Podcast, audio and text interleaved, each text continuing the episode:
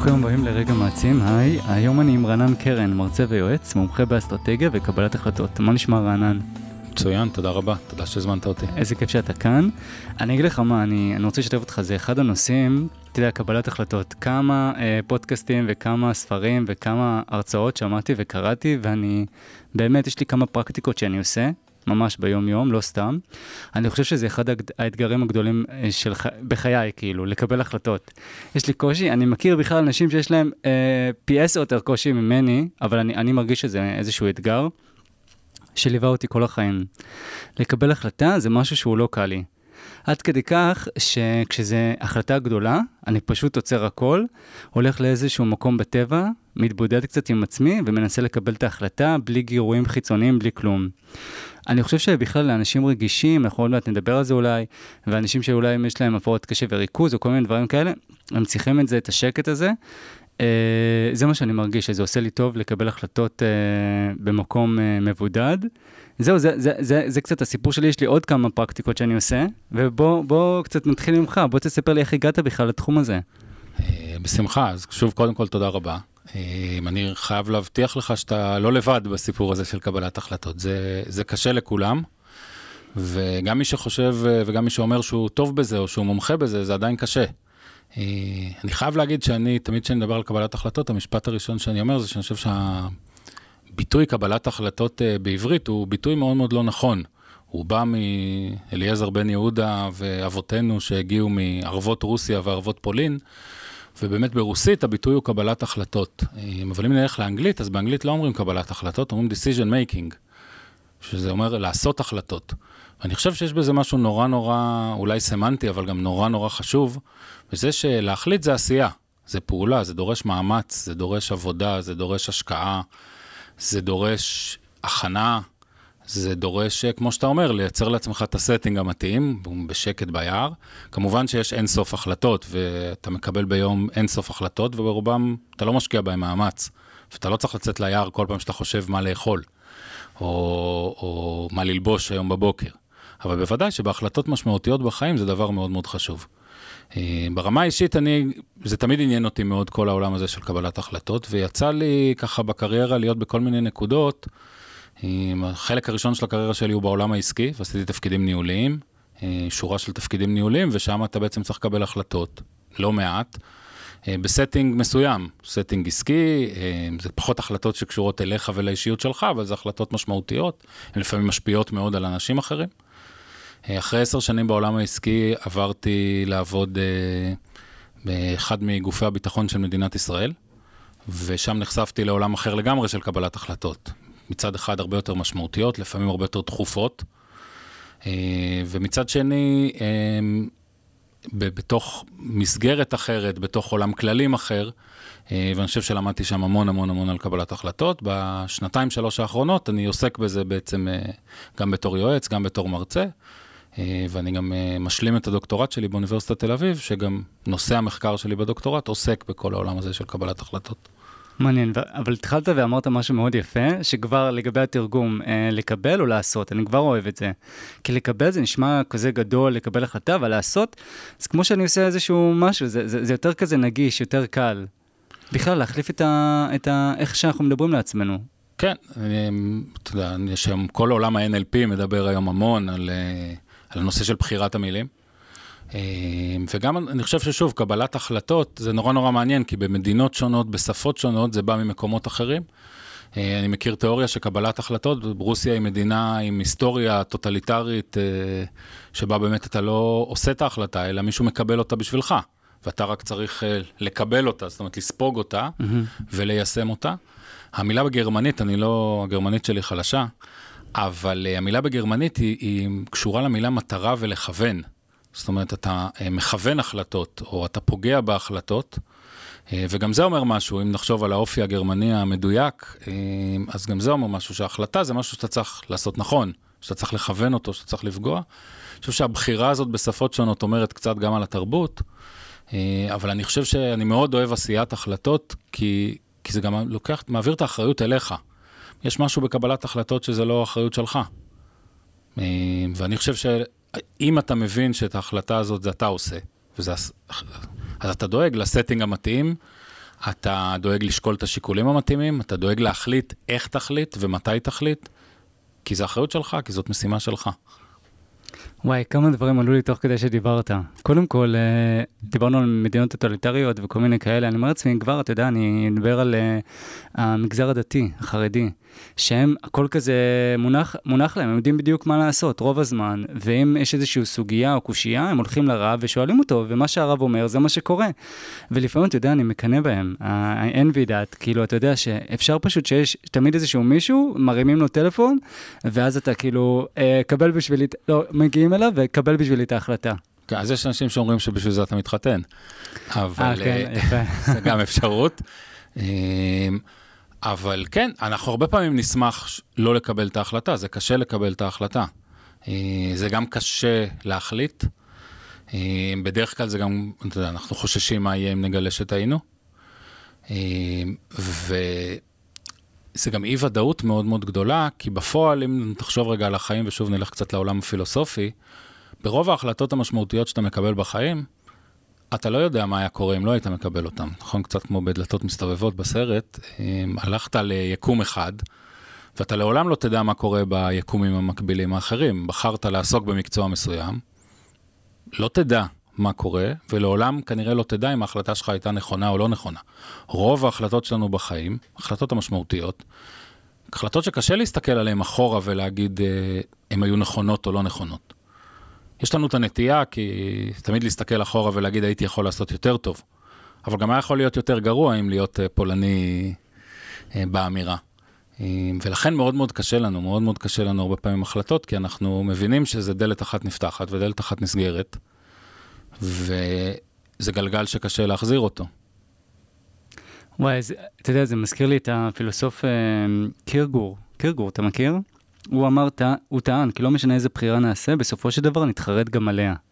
כאילו, הטבע האנושי שלא יודע שובע, שכל הזמן כאילו מסתכל מה היה קורה עם... מה, מה אתה חושב בכלל לעשות את זה? זה לא איזשהו אה, סבוטאז', כאילו חבלה עצמית, כל הזמן לשאול את עצמי מה היה קורה עם? חד משמעית סבוטאז' וחבלה עצמית. אה, השאלה אם אפשר להימנע מזה. אני חושב שזה אחת השאלות הגדולות אל מול הטבע האנושי שלנו. Mm-hmm. אני חושב שאי אפשר לא להסתכל אחורה. אני חושב שצריך להסתכל, אבל לשאול שאלות אחרות. אני חושב שהנוח שלנו זה להסתכל, זה לשאול, רגע, עשיתי החלטה נכונה או לא? ואז באמת, וזה גם מאוד תלוי אופי, אבל אם אנחנו, אה, רוב בני האדם מחפשים קצת מה הייתי, איך היה יכול להיות יותר טוב. שזה, יש בזה הרבה דברים טובים, mm-hmm. אוקיי? זה מניע את המוטיבציה שלנו, זה גורם לנו להשתפר. אה, אני חושב שהדבר הנכון לעשות, אם אפשר לעשות אותו, והוא מאוד מאוד קשה לעשות אותו, זה לא לשאול את עצמך אם קיבלת את ההחלטה הנכונה או לא, אלא האם הדרך שבה קיבלת את ההחלטה, התהליך, השיקולים ששקלת היו השיקולים הנכונים. כי מזה אתה יכול ללמוד לגבי ההחלטה הבאה. כי אם קיבלת החלטה מסוימת נכון או לא, קשה מאוד ללמוד לגביה, לגבי מה שתעשה בעוד שנה, בהחלטה הבאה שלך. אם החלטת לסיים מערכת יחסים, בוא ניקח דוגמה. דוגמה מעולה, כן. כן, שקורית המון, או הרבה, אה, החלטת לסיים מערכת יחסים, התלבטת הרבה, ובסוף החלטת לסיים את מערכת היחסים. לא תדע אף פעם אה, if she was the one, אוקיי? ויהיה מאוד קשה ללמוד מה, מה ש, מההחלטה הזאת לגבי ההחלטות העתידיות שלך. כי ההחלטה הבאה, האם מערכת היחסים היא טובה או לא, היא עם בן אדם אחר, במערכת yחסים אחרת, עם setting אחר. Mm-hmm. מה שאתה כן יכול ללמוד זה על התהליך שעשית עם עצמך. אה, האם לקחת מספיק זמן לחשוב על זה, או לקחת יותר מדי זמן לחשוב על זה? האם השיקולים שלך היו נכונים או לא נכונים? איזה שיקולים היו לך מאוד חשובים אז, והאם הם פחות חשובים היום? Mm-hmm. מזה אתה יכול ללמוד, ואולי זה יכול לגרום לנו לקבל החלטות יותר טובות. זה לא אומר שהן יהיו יותר נכונות, כי שוב, בדרך כלל לא נדע אם הן נכונות או לא. אבל אם עשינו את התהליך יותר טוב, אז הסיכוי אה, הוא יותר גבוה. אהבתי מה שאמרת, לשנות את, ה, את השאלות שאנחנו שואלים את עצמנו. לא להגיד האם עשיתי החלטה נכונה או לא, אלא להסתכל גם על התהליך ולשאול שאלות אחרות. אה, איזה שיקולים שקלתי, כמה זמן, אבל אני, אני וואו, זו שאלה ממש, זה, זה גדול כזה, זה מביא אותי למלא מקומות. אה, אני רוצה להתמקד ולחשוב, אוקיי, אז... אה, קודם כל, בוא, בוא, בוא באמת, אני רוצה שאיזשהו מסר, יש פה איזשהו מסר חשוב שאני חושב שכדאי שנגיד אותו, וזה על ה, להסתכל אחורה ולהגיד, אה, וואו, הייתי צריך לעשות ככה, או הייתי צריכה לעשות ככה, כל מיני דברים כאלה, שזה יכול להרוג בן אדם, אני חושב, כאילו, כל המשחקים האלה. אתה, אין לך את זה? אני לא יכול להגיד שאין לי את זה, זה שאני מתעסק בזה, זה לא אומר שאני, אחד לאו דווקא אומר שאני מקבל החלטות uh, יותר טוב מאחרים. Mm-hmm. Uh, אני חושב שאחד uh, צריך להחליט האם יש טעם להסתכל אחורה. יש החלטות שיש טעם, כי יש מה ללמוד מהן. Uh, ואז לתכנן באמת איך מסתכלים אחורה ואיזה שאלות שואלים את עצמנו, ויש מקרים שאין טעם להסתכל אחורה. ואם אין טעם להסתכל אחורה, אז צריך לעבוד על עצמנו פסיכולוגית, וזה לא קל. Mm-hmm. ולהגיד, ברגע שהחלטתי, אני מתקדם הלאה, אני עובר הלאה. שהוא החלטת להחליף מקום עבודה. אני לא בטוח שאחרי שהחלטת והתחלת לעבוד במקום החדש, יש טעם עכשיו רגע להסתכל ולהגיד, אולי הייתי נשאר שם, ומה זה היה אומר. כי זה כבר, זה מציאות שהיא לא קיימת, היא mm-hmm. כבר לא קיימת. אתה יכול לשאול את עצמך, האם הסיבות שהובילו אותי לעזוב את מקום העבודה הקודם ולקבל את ההחלטה, בדיעבד הן סיבות נכונות או לא. האם בפעם הבאה שאני אקבל החלטה דומה או שאני אתלבט בנושא דומה, אני, השיקולים האלה צריכים, צריכים, אלו השיקולים שצריכים לעמוד לפניי, או סדר העדיפויות, או סדר החשיבויות, או כל מיני אה, דברים כאלה. אם עזבתי את מקום העבודה, כי במקום השני נותנים עוד חמישה שקלים בסיבוס לארוחת צהריים, 15 שקל. אני צוחק, אני צוחק. 15 שקל זה כבר לא. החלטה אחרת, 5 שקלים 15 שקל זה כן, לא, החלטה אחרת. אז באמת, אם זה היה השיקול המניע המרכזי, ואחר כך מצאת עצמך בעבודה שהיה לך הרבה יותר משעמם או הרבה פחות מאתגר, אז בטח שאפשר ללמוד מזה לפעם הבאה. מה חשוב לי בחיים, מה סדרי העדיפויות שלי ומה חשוב לי לשקול. גם אם טעיתי, ושקלתי שיקולים הלא נכונים, זה לא בשביל להכות על חטא ולהלקות את עצמי ולבכות ולחשוב איך אפשר להחזיר את הגלגל אחורה, כי בדרך כלל אי אפשר. זה איך אני נהיה יותר טוב במה שאני עושה, ובפעם הבאה אני אעשה את השיקולים יותר טוב. לא, זה מדהים מה שאתה אומר, כי כבר אני, אני קיבלתי כמה החלטות uh, קשות בחיים שלי, uh, שאני כל הזמן שאלתי את עצמי האם זאת הייתה החלטה נכונה ולא, ואני יודע מניסיון אישי כמה שזה אוכל את הנפש ואוכל את הבן אדם. לא, אבל אהבתי מה שאתה אומר, פשוט להסתכל על השיקולים ששקלתי לפני שקיבלתי את ההחלטה, כי כבר כשאני חושב על השיקולים ששקלתי זה מרגיע אותי. כאילו השיקולים הם, הם, אני מרגיש שהם נכונים גם להיום, כאילו זה שיקולים שאני, ואז אני אומר בכלל לשנות את הש... באמת, כמו שאמרת, לשנות את זה, לא להגיד האם קיבלתי החלטה או לא, כי אתה באמת לא יודע, כמו שהתחלת בהתחלה, אנחנו לא יודעים כלום, אנחנו לא יודעים פאקינג כלום, כאילו, בקטע הזה, אבל לשאול האם השיקולים היו נכונים, וזה ממש אהבתי, זה כבר מוריד את רף המתח ואת ה... ואת ההתעסקות המיותרת האינסופית הזאת. כן, אני חושב שאנחנו צריכים לנסות לא להיות עסוקים בלתת לעצמנו ציון על ההחלטה, אלא איך להיות יותר טובים בהחלטות הבאות. וואנס זה הולך, הופך להיות השיקול שלך, ההתעסקות שלך באיך להיות יותר טוב, ולא באם עשיתי את זה בציון 60 או 70 או 80, אז, אז זה פחות שיפוטי.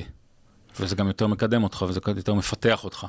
אני זוכר שבפסיכומטרי המנחה שלנו אמרה לנו כל הזמן, כשאתם עושים לכם איזושהי בדיקה אחרי שאתם מסיימים את המבחן, לפני הרבה זמן, אה, אז אל, אל תלקו את עצמכם, תגידו וואי, למה הייתי כזה טיפש, עשיתי א' או ב', פשוט תכתבו מה אתם יכולים לעשות טוב לפעם הבאה. אז אני אומר סתם, בהחלטות שקיבלנו בחיים, אתה אומר תמיד את, ה, את התהליך הזה, תעשו עם עצמכם תהליך, תבדקו מה עברתם והכל. זה בכתיבה, איך עושים את זה? בוא, יש לך איזשהו... זה מאוד מאוד משתנה. אה, זה מאוד תלוי, זה יכול להיות בכתיבה. אני, שוב, אני ברמה האישית, זה בדרך כלל בלשבת בשקט במקום, בטבע או משהו mm-hmm. כזה. ורגע לחשוב ולנסות לשחזר את, ה, את ההחלטה, מה היה לי חשוב באותו רגע, מה היו השיקולים. אמ, אנחנו יודעים ומדברים המון בעולם קבלת החלטות היום על הטיות, נכון? זה אחד הבאזוורדס הכי ביוסס והטיות וכמה אנחנו מוטים. ותכף אולי נדבר על זה, אני לא חושב שצריך להילחם בהטיות האלה, כי הם בילט אין, זה אנחנו, mm-hmm. אבל צריך להיות מודעים אליהם. ו- ואם קיבלתי החלטה בגלל שהייתי מוטה בגלל איזשהו דבר ואני מצליח לעלות על זה בתהליך עם עצמי, אז זה נהדר. עכשיו, אם אתה גם מספיק, וזה מאוד תלוי סוג החלטה, אם אתה יכול לעשות את זה עם עוד מישהו, זה עוד יותר טוב. כן? אתה... אתה... אני חושב שכן. אם זה מישהו שיש לך מערכת יחסים מספיק קרובה איתו, וביטחון מספיק גדול, ואתה יכול לדבר איתו על זה, אז קודם כל יש הרבה החלטות בחיים גם שאתה לא מקבל לבד.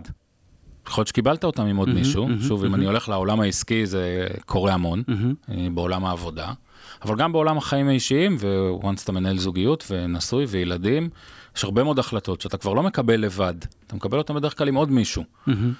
אה, אז אם אתה יודע גם לנהל איזשהו תהליך, וזה לא קל, של להפיק לקחים מההחלטות האלה ולדבר עם עוד מישהו ולהגיד, אוקיי, הפעם היה לי חשוב הדבר הזה לעשות. ו, אה, ויש איזשהו מישהו שאתה יודע, יהיה לך, ישאל אותך שאלות, יאתגר אותך, אז זה נהדר.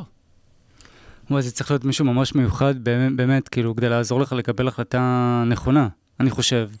אני לא בטוח שהוא עוזר לך לקבל את ההחלטה הנכונה. אני חושב שהוא עוזר לך ה... לעשות איזשהו, זה כמעט איזשהו, אתה יודע, סאונד בורד כזה, מישהו שרק יגיב לך, כדי שתעלה את המחשבות שלך בקול רם. אחרי שקיבלת החלטה? אם אתה רוצה ללמוד ממנה. הבנתי, אה, אבל לפני... גם, שוב, זה מאוד מאוד סגנוני. אני, פה יש הבדלים אישיים מאוד מאוד גדולים בין אנשים. יש אנשים ש... מתייעצים עם כולם, נכון? מתייעצים עם כל העולם, בודקים עם כל העולם, שומעים מה שכולם שואלים, מה כולם חושבים, מדברים עם המון המון אנשים. ולפעמים זה לא טוב ולפעמים זה טוב, כי זה סגנון וזה מה שטוב להם. אה, ויש אנשים שצריכים את השקט וצריכים את הלבד, וצריכים רגע להתנתק מכולם, ודווקא לא רוצים לשמוע מה, מה אחרים חושבים. אני לא יודע להגיד מה נכון או לא נכון, תקשיב, זה גם אני... כל כך שונה מההחלטה להחלטה. מה, מה לך נכון? אני בדרך כלל מקבל, מקבל החלטות לבד, אה, כשאני בדרך כלל, אחרי שאני פחות או יותר יודע מה אני רוצה, שוב, היום בעיקר מתייעץ עם אשתי, זאת אומרת, יושב, מדברים על הדברים וכן הלאה, אבל... אני חייב לשתף. ניסיון החיים שלי לימד, אני, תגיד לי, זה באמת, זו שאלה אחת שכתבתי לי גם לשאול אותך, לגבי זה שמתייעצים עם מלא אנשים. אני חושב שזה גם יותר לקבל אישורים, כל הזמן לבקש מאנשים אישורים, ולא, וגם לזרום עם החיים. כל מה שאנשים אומרים, אז אני פשוט זורם במקום לקבל החלטה. ואני אזרוק הרבה דברים. עכשיו, ג'רי סיינפלד אמר משהו יפה, הוא לא מתייעץ עם אף אחד. הוא עם עצמו, כי הוא אומר שאם הוא יטעה, לפחות זה עליו. ולא על אנשים אחרים, הוא לא צריך לכעוס על אף אחד, לא על אשתו, לא על זה, לא, לא על זה. מה אני אומר? אני מהניסיון חיים שלי, כשהיה לי החלטות uh, גדולות וקשות, אז הייתי, אתה יודע, הייתי כל הזמן מחפש עם מי להתייעץ ולספר את הסיפור שלי והכל, וכל אחד בין העבודה, בין המשפחה, בין הזה, היה פתאום זורק לי איזושהי הערה או הצעה או תובנה. שבדרך כלל היא לא הייתה באמת עמוקה וחכמה מספיק, כי אתה יודע, אנשים בחיים שלהם, הם לא באמת יודעים את כל הפרטים, ואולי אתה לא מספר גם הכל, ואתה לא יכול לספר את הכל, כי אין לך את הזמן. אז מניסיון האישי שלי, להתייעץ עם מלא אנשים זה, זה רעה חולה, כאילו, באמת זה. אז היה לי חשוב גם לשמוע את הטקסט שלך, אתה אומר שיש סגנונות של אנשים שהם כאלה, וזה עובד להם, אבל אני מבחינתי, הסגנון הזה הוא, הוא נוראי, הוא, הוא לא טוב. קודם כל, שוב, זה מאוד מאוד אישי. איך ישר החלטתי, בום, כן, זהו. כן, בדיוק. תראה, בסוף, אה, כל אחד הוא שונה, ומה שטוב לו ומה שעובד לו.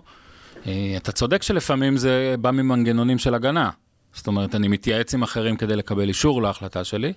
אני חושב שגם פה, אם אתה מתייעץ, צריך לשנות את השיח. השאלה לא צריכה להיות מה כדאי לי לעשות, mm-hmm. כי באמת, את זה אף אחד, אף אחד לא יודע חוץ ממך.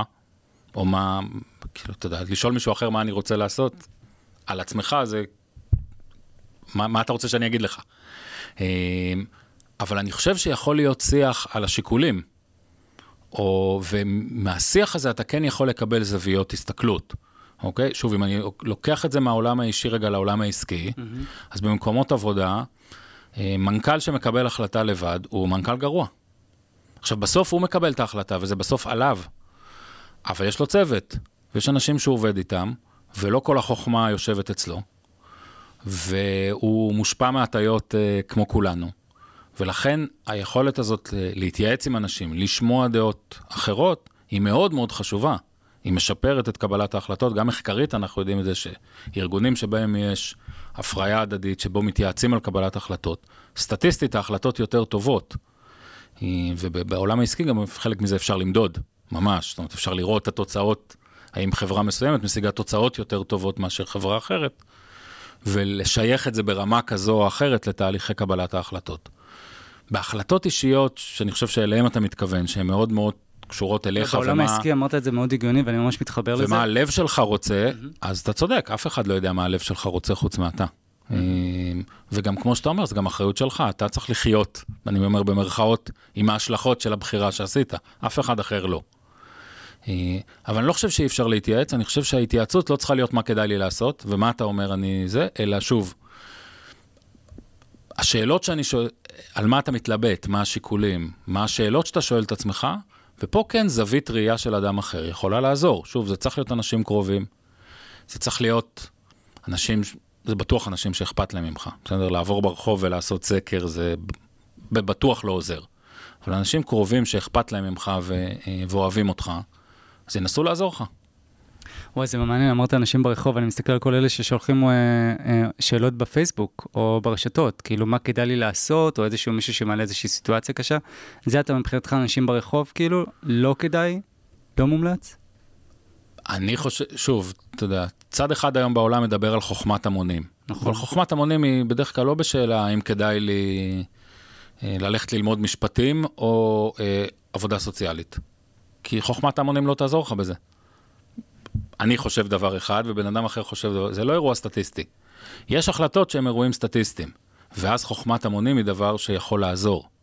אוקיי, איך אנשים מרגישים או תופסים משהו מסוים. אוקיי, אני רוצה עכשיו, אני עובד בחברה ואני רוצה לבדוק אם הפרסומת שלי מדברת לקהל, או מה אנשים מבינים ממנה, אז חוכמת ההמונים עוזרת. כי אם שאלתי בן אדם אחד או שניים, אז אני... אז, אז הסטטיסטיקה היא לא לטובתי, כי קיבלתי זווית מאוד מאוד צרה.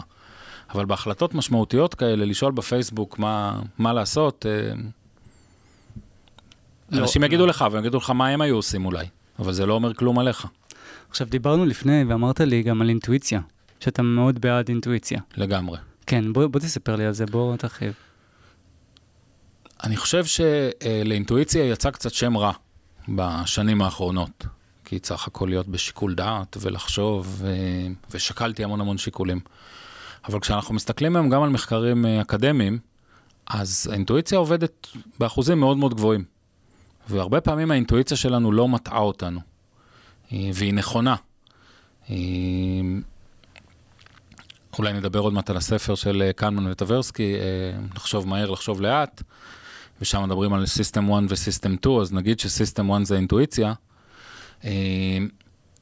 היא טובה, בהרבה מאוד מקרים היא עוזרת לנו בחיים, היא נכונה, וההחלטות שהיא מביאה אותנו אליהן הן נכונות. הניסיון שלנו להילחם בה לפעמים דווקא פוגע בנו. ואנחנו יכולים לראות את זה בהמון המון המון מקומות שכן אימצו את העולם הזה של, של אינטואיציה. דרך אגב, המקומות הכי מתקדמים בעולם הזה של אינטואיציה הם דווקא הגופים הביטחוניים או הצבאיים. זה מחקר שהתחיל, אם ניכנס קצת היסטוריה, בשנות ה-80 בארצות הברית. אחרי אירוע מצער שבו מפקד אה, ספינה, מפקד משחטת אה, אמריקאית, אה, שיגר בטעות טיל, במפרץ הפרסי, שיגר בטעות טיל על מטוס נוסעים איראני, הפיל אותו, ונהרגו משהו כמו 200 ומשהו נוסעים על המטוס הזה. וכשתחקרו את האירוע הזה, אז אחד הדברים שגילו זה שהוא פעל באינטואיציה, הוא ראה, זיהה סכנה, ועשה את מה שהאינטואיציה לימדה אותו לעשות כל החיים, ושיגר את הטיל. ובהתחלה אתה אומר, אוקיי, זה טעות. ומצד שני, אם אנחנו הולכים לסיטואציות אמיתיות כאלה, שבו אם באמת יהיה איום או יהיה אויב, זה מה שאתה רוצה שהוא יעשה. אתה רוצה שזאת ההחלטה שהוא, תקב... שהוא יקבל. ופה בעצם הצבא האמריקאי יתחיל גם לממן וגם לעשות שורה של אה, מחקרים על כל הנושא של אינטואיציה. האם אפשר ללמוד אינטואיציה, האם אפשר לשפר אינטואיציה, האם אפשר לעבוד על אינטואיציה, ומתי אינטואיציה עובדת, ומתי אינטואיציה לא עובדת. אם נלך דווקא לשנתיים האחרונות, אז יש לנו שתי דוגמאות טרגיות ומצוינות מאוד מאוד דומות לזה. אחת זה שבינואר 2020, אה, פשוט מיד אחרי זה הגיעה הקורונה, אז כולנו שכחנו את האירוע הזה.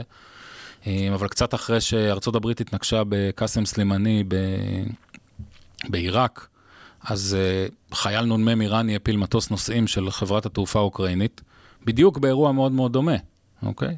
חייל שהיה רגיל היה מוצב בסוריה והיה רגיל להתמודד עם איומים של אה, אה, צבאות אחרים ומטוסים, מטוסי קרב וטילים שתוקפים אותו. פתאום העברנו את הסטינג שלו, העברנו אותו לטהרן ושמנו אותו ליד אה, שדה תעופה אזרחי. אבל כשהוא התעורר בשתיים בלילה עייף וראה פתאום מטרה מנצנצת לו על המקם, אז הוא עשה את מה שהוא אומן לעשות כל החיים שלו. ברמה עוד יותר טרגית, אני לא מכיר את הפרטים עד הסוף, אבל אה, יש לנו את הדוגמה המצערת מאוד של אה, האירוע באגוז לפני מספר חודשים, שבו סגן מפקד צוות אה, ירה בשני חבריו לנשק, כי הוא חשב שהם מישהו שבא לפגוע. וגם פה, הפעולה היא פעולה אוטומטית. האינטואיציה שלו אמרה לו, כי זה מה שלימדנו אותו וזה מה שהרגלנו אותו כל החיים שזה אויב, אז הוא עשה את מה שהוא יודע לעשות הכי טוב, ועשה את זה מצוין. אה, ההשלכות הן השלכות טרגיות. אז יש שם גוף מחקר שלם היום שמתעסק באינטואיציה. אז אם ניקח את כל, לקחתי דווקא את האירועים הלא טובים. כן, כל הדוגמאות האלה הן גרועות כן, לחלוטין. כל הדוגמאות האלה הן גרועות, אבל הן כולן מלמדות שמה קורה כשאתה מייצר אינטואיציה מסוג מסוים ומלמד אותה, ומביא אנשים לפעולות כמעט אוטומטיות, אוקיי? אגב, System 1, mm-hmm. לצורך העניין, ואז שם אותם ב setting שהוא לא מתאים. אבל זה רוב החיים שלנו הם לא כאלה, נכון? רוב, זה קצת דומה אה, ל... אה, אם אני נותן לך עכשיו להיכנס לרכב ולנהוג בישראל, אתה עושה את זה אוטומטית. אתה נוהג מצוין, אין לך שום בעיה, אתה לא צריך לחשוב על זה לרגע. המערכת האינטואיטיבית שלך יודעת להבין מתי כדאי לך לעבור נתיב ומתי כדאי לך להאיט, ורובנו עושים את זה בצורה מעוררת השתאות, בכלל בלי לחשוב על זה. אוקיי, אני מבקש לך לשחזר את הנסיעה האחרונה שלך, אתה לא זוכר כלום מהנסיעה. אבל עשית פעולות סופר מורכבות, מצילות חיים, אוקיי, עצרת ברמזור, mm-hmm. ירד, עברת נתיב, נתת למישהו זכות קדימה, ראית הולך רגל הולך על המדרכה, בכלל עוד לא יורד לכביש, והבנת שהוא הולך לרדת לכביש ועצרת. המון המון פעולות מורכבות, אתה לא יכול לשחזר אף אחד מהם, אתה לא זוכר אותם בכלל, מרוב שהן אוטומטיות אצלנו. ואם אני אקח אותך עכשיו ואושיב אותך בדיוק באותה סיטואציה, אבל ברכב בבריטניה, שם נוהגים הפוך, ואני אתן לך להיכנס לכיכר שם, יש סיכוי שזה ייגמר רע. אה, אבל זה לא שהאינטואיציה שלך גרועה, היא פשוט מאומנת בעולם מאוד מאוד מסוים ובקונטקסט מאוד מאוד מסוים, אה, ובקונטקסט הזה אתה צריך לסמוך על האינטואיציה שלך. עכשיו, יש המון המון מקומות בחיים שיש לנו אינטואיציה טובה כזאת. אם אתה עובד במקום עבודה ואתה מתעסק באותו נושא כבר הרבה שנים, יש לך אינטואיציה מצוינת. לרופאים יש אינטואיציה מדהימה. אתה יכול לראות את זה הרבה פעמים, שמגיע מטופל, והרופא בשלוש שאלות, יודע בדיוק מה יש לו. עכשיו, מאיפה הוא יודע מה יש לו? הוא לא עשה שום בדיקה, הוא לא עשה... זה האינטואיציה שלו. זה... עכשיו, זה אינטואיציה, מה שנקראת, אינטואיציה אה, של מומחים. כי נהיית מומחה במשהו מסוים, אז כשאנחנו נוהגים, אנחנו מומחים בנהיגה. ואם אני רופא 20 שנה, אז אני מומחה ברפואה, בטח בתחום שבו התעסקתי, ויש לי אינטואיציה מאוד מאוד טובה בו. אה, ולכן בהרבה מאוד מקומות בחיים ובהרבה מאוד נקודות בחיים שבהם אנחנו נהיים מומחים, אנחנו צריכים ויכולים להסתמך על האינטואיציה שלנו. יותר מזה, אם אנחנו רוצים להיות במקומות כאלה, אנחנו יכולים להתאמן בזה. אינטואיציה זה משהו שאפשר להתאמן בו. אוקיי? בעולמות הצבאיים מייצרים הם סימולטורים. לא רק של טיסה, לדוגמה, אלא סימולטורים של קבלת החלטות. נכון, משחקי מלחמה קוראים לזה הרבה פעמים, לפעמים קוראים בתקשורת, שהמטכ"ל יתכנס ולעשות סימולציה של משחקי מלחמה. מה בעצם המטרה של הדבר הזה? לייצר סיטואציה שבה אנחנו נקבל החלטות במציאות דומה ככל האפשר למציאות שלנו, כדי שנהפוך את ההחלטות האלה ליותר אוטומטיות. ובחיים האישיים... ולפתח את האינטואיציה. Mm-hmm. בחיים האישיים, איך אתה... גם בחיי העבודה, נגיד, בן אדם שהוא לא עובד בצבא, אה, איך הוא מפתח את האינטואיציה שלו? אז קודם כל זה מאוד תלוי מה אתה עושה, אבל אם אתה יועץ השקעות, אז גם יש לך אינטואיציה.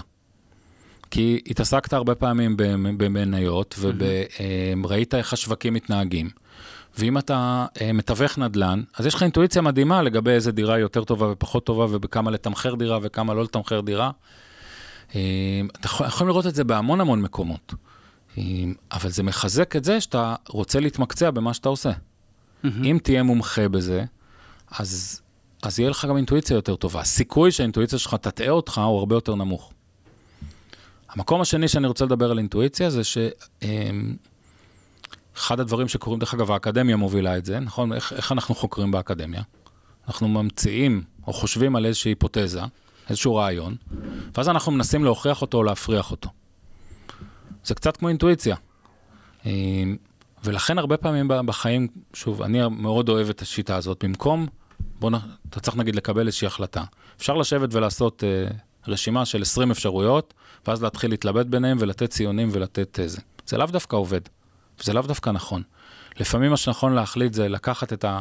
מה שעולה לך באינטואיציה, כהחלטה הראשונה, להגיד, אוקיי, זה מה שאני הולך לעשות, עכשיו לחשוב עליו טוב, ואם אתה לא מצליח למצוא סיבה להפריך אותו, שוב, כמו באקדמיה, שהוא לא נכון, אז הוא נכון. וללכת איתו.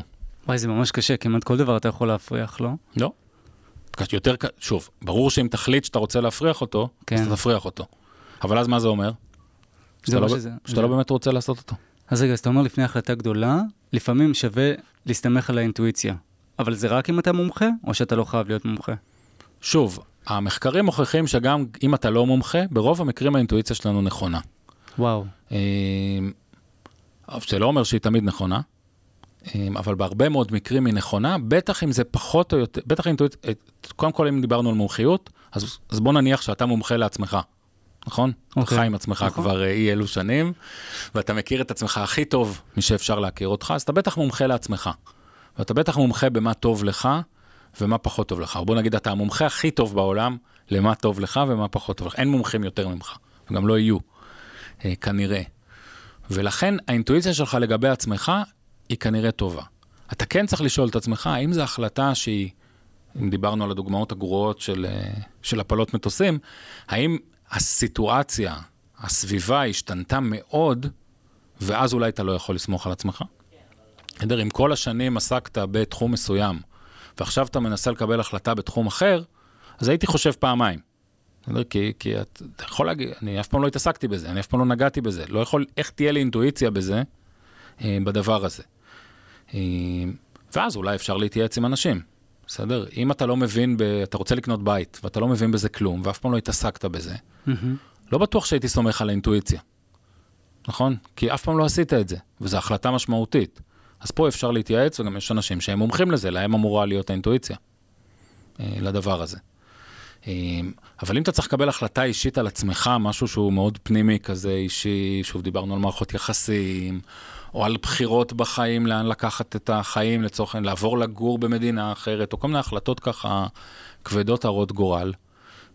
אתה מומחה מספר אחד לעצמך, וברוב המקרים האינטואיציה שלך היא נכונה. היא תעבוד. וואי, זה מרתק מה שאתה אומר עכשיו. כי קודם כל, אני קראתי כמה מחקרים גם כן על איזה שהם רופאים, אמרת באמת לרופאים יש אינטואיציה טובה, אם הם מעל 15 שנה במקצוע. ולאו דווקא לרופאים שהם שנה ראשונה או מתמחים, אין להם, אין להם, האינטואיציה שלהם, נגיד מישהו בא אליהם ואומר להם יש לי בעיה, ואז אם ישר כזה זורקים לו יש לך א', ב' וג', רוב הסיכויים שזה לא יהיה נכון. אבל זה נכון לגבי מומחיות ולגבי החיים האישיים. אה, וואי, אני, אני מנסה לחשוב שנייה לגבי האינטואיציה, כן? אתה אומר אם הסביבה השתנתה. אתה יודע, זה הזכיר איזשהו סיפור של חני ממן, אני לא יודע אם אתה מכיר. Uh, והיא סיפרה שכל החיים שלה, היא סיפרה לעצמה שהיא לא אוהבת לשחות. היא לא אוהבת לשחות, היא לא, היא לא קשורה לבריכות, אתה אמרת, מכיר את עצמך, אתה יודע מי אתה, אז יש לך אינטואיציה מה מתאים לך ומה לא. ואז פתאום היא התחילה לשחות, היא פשוט היה איזשהו קורונה, לא יודע מה קרה שם, והיא, והיא התחילה לתפוס, והיא ממש אוהבת את זה, כאילו עכשיו. אז היא אומרת לעצמה, כל הסיפור שסיפרתי ל-40 ומשהו שנה, פתאום אני עכשיו שוחה. ואז אני אומר לעצמי, גם ב setting הקיים, המוח לפעמים משקר, המוח הוא שקרן, אנחנו יודעים שהוא שקרן לפעמים. איך מתמודדים עם זה? אמ, קשה, קודם כל. בסוף אחוזים, אני תמיד מדבר על זה, בסוף אה, אה, החלטות זה עניין של אחוזים. יש לך אחוזי הצלחה. ברור שאתה מפספס. נכון, קצת כמו שחקן כדורסל שבמשחק אה, זורק 20 זריקות ויש לו 60% מהשדה או 70% מהשדה או 40% מהשדה או 50% מהשדה. אז אתה רוצה שיהיה לך אחוז כמה שיותר גבוה, אה, ואתה יכול לשפר את האחוזים האלה, אבל אתה תפספס. אה, ואני חושב שאחד, יש פה איזשהו תהליך של השלמה עם עצמנו, שיכול להיות שאנחנו מפספסים. ושתיים, יש מקומות שבהם אתה כן יכול להרשות לעצמך ולהגיד, אוקיי, שוב, הדוגמה היא דוגמה מצוינת, כי מה המחיר של לנסות משהו אחר? נכון? סיפרת לעצמך סיפור שאתה לא רוצה לשחות כל החיים ואתה לא אוהב את זה, אבל לנסות לשחות זה לא עולה הרבה. Mm-hmm. לא בזמן, לא במאמץ, לא באיזשהו אה, איום על החיים שלך, או משהו שמסכן אותך, או מאיים על ה... אפילו על התדמית שלך, או משהו כזה. יש החלטות שהן קצת יותר מסובכות, נכון? אם ההתלבטות שלך הייתה בין עכשיו uh, לעזוב הכל ולעבור לגור במדינה אחרת שאתה לא מכיר שם אף אחד. החלטה קצת אחרת, נכון? המחיר של הטעות, נקרא לזה ככה, אה, או רמת הסיכון של ההחלטה היא יותר גבוהה, אוקיי? אה, אז זו שאלה שאתה גם צריך לשאול את עצמך כל פעם בתהליך קבלת ההחלטות, מה המחיר? עכשיו אני אגיד רגע משהו על זה, יש לנו נטייה לתת מחיר מאוד גבוה להחלטות, לפעמים לא בצדק. רוב ההחלטות שאנחנו מקבלים בחיים הן הפיכות, והרבה פעמים אנחנו חושבים שהן לא. לנו, אם אני אעשה ככה וזה לא יצליח, עולמי יחרב, התדמית המקצועית שלי תיהרס. אמ, אני חושב שאם נסתכל על פוליטיקאים ישראלים, זו הדוגמה הכי טובה לזה שזה לא נכון. אמ, אוקיי, לאריאל שרון יש את הביטוי הזה שזה גלגל ענק, ואתה פשוט צריך להישאר על הגלגל, כי אתה לפעמים תהיה למטה ולפעמים תהיה למעלה. ו- ואני חושב שזה, שוב, אם ניקח, לפני שנתיים אה, נפתלי בנט היה חסר לו 1,400 קולות בשביל לעבור את אחוז החסימה, והוא היה פוליטיקאי גמור. לצורך העניין. שנה וחצי אחר כך הוא נהיה ראש ממשלה, ושנה אחר כך הוא פורש, אה, לא יודע אם יחזור או לא יחזור, אבל הוא פורש. הכל בטווח של שלוש-ארבע שנים. אה, אבל החיים האישיים שלנו זה אה, גם יכול להגיד לנו שהרבה מאוד מההחלטות שלנו שלפעמים נראות לנו בלתי הפיכות, הן הפיכות. וגם אם נטעה, לא יקרה כלום. זה קורה המון עם מקומות, נגיד, פעם זה היה קורה המון עם מה אני אלך ללמוד, ואם אני אטעה, אז תטעה, ואחרי שנה אתה יכול להחליף. אה, וגם אם מישהו הלך ולמד משפט, שוב, יש המון היום בוגרי משפטים שלא עוסקים בתחום, נכון? אז למדת משפטים, ובסוף החלטת שאתה לא רוצה לעסוק במשפטים. מה קרה? כלום. בטח בפרספקטיבה קצת יותר כלום, מבוגרת. כלום, באמת כלום. בסוף כלום. כי אם, נכון, חווית דברים מסוימים, פגשת אנשים, פגשת חברים, הרווחת דברים מסוימים שיהיו איתך כל החיים. נכון שגם הפסדת, אבל אחד אתה לא יודע מה הפסדת, ויכול להיות שזה היה יותר טוב, ויכול להיות שזה גם היה הרבה יותר גרוע. ועם מה שהרווחת, הלכת צעד אחד קדימה, ולמדת ממנו משהו, ועכשיו קיבלת החלטה שזה לא תחום שאתה רוצה לעסוק בו. אוקיי. זה נכון היום גם בזוגיות, פעם נכון, היו, חתונה הייתה קתולית, ואם התחתנת זה, זה for life. אה, גם את זה אפשר היום לתקן. כן. זה יותר קשה, זה יותר כואב, זה תהליך אישי יותר מסובך, זאת אומרת, יש מחירים, כמובן. אבל הנטייה שלנו היא הרבה פעמים לחשוב על החלטה ולהגיד, בואנה, זה... אם אני עושה את זה עכשיו, זה בלתי הפיך. ובהרבה מאוד מקרים זה לא נכון. זה פשוט לא נכון. אה, אז זה שאתה בכלל מכניס את זה לתודעה ואתה חושב על זה, זה כבר הופך את ה... אני אומר לך, אני יודע את זה, אנחנו יודעים את זה שההחלטות הן בלתי הפיכות, ואם אתה לא מת ובקבר, אז הכל יכול להיות הפיך ואתה יכול לעשות ככה, וזה עדיין קשה. ואני, ועדיין אני, כשאני אני יודע את זה, ועדיין בקבלת החלטות, אני אגיד לך באופן אישי על עצמי, באמת, אני, זה מאתגר בשבילי, זה לוקח ממני מלא מלא אנרגיה. סתם, מעניין אותי לדעת, אתה, אתה בתחום הזה, ואתה מכיר והכל, מה, מה ההבדל? בוא תספר לי למה יש אנשים שמקבלים החלטות ממש מהר, ואנשים שמח... שלוקח להם זמן לקבל החלטה. אני לא חושב שאנחנו יודעים. לא יודעים. אה, אני לא חושב, זה, אתה יודע, אישיות של אדם זה דבר מורכב, והיא כוללת המון המון מרכיבים, והרבה פעמים כשאנחנו מדברים, או שוב, בתור יועץ, הרבה פעמים, אחד הדברים שאנחנו עושים בחב... בחברות, נגיד ניקח הנהלה, זה להבין גם את סגנון קבלת ההחלטות וגם את תהליך קבלת ההחלטות. ו...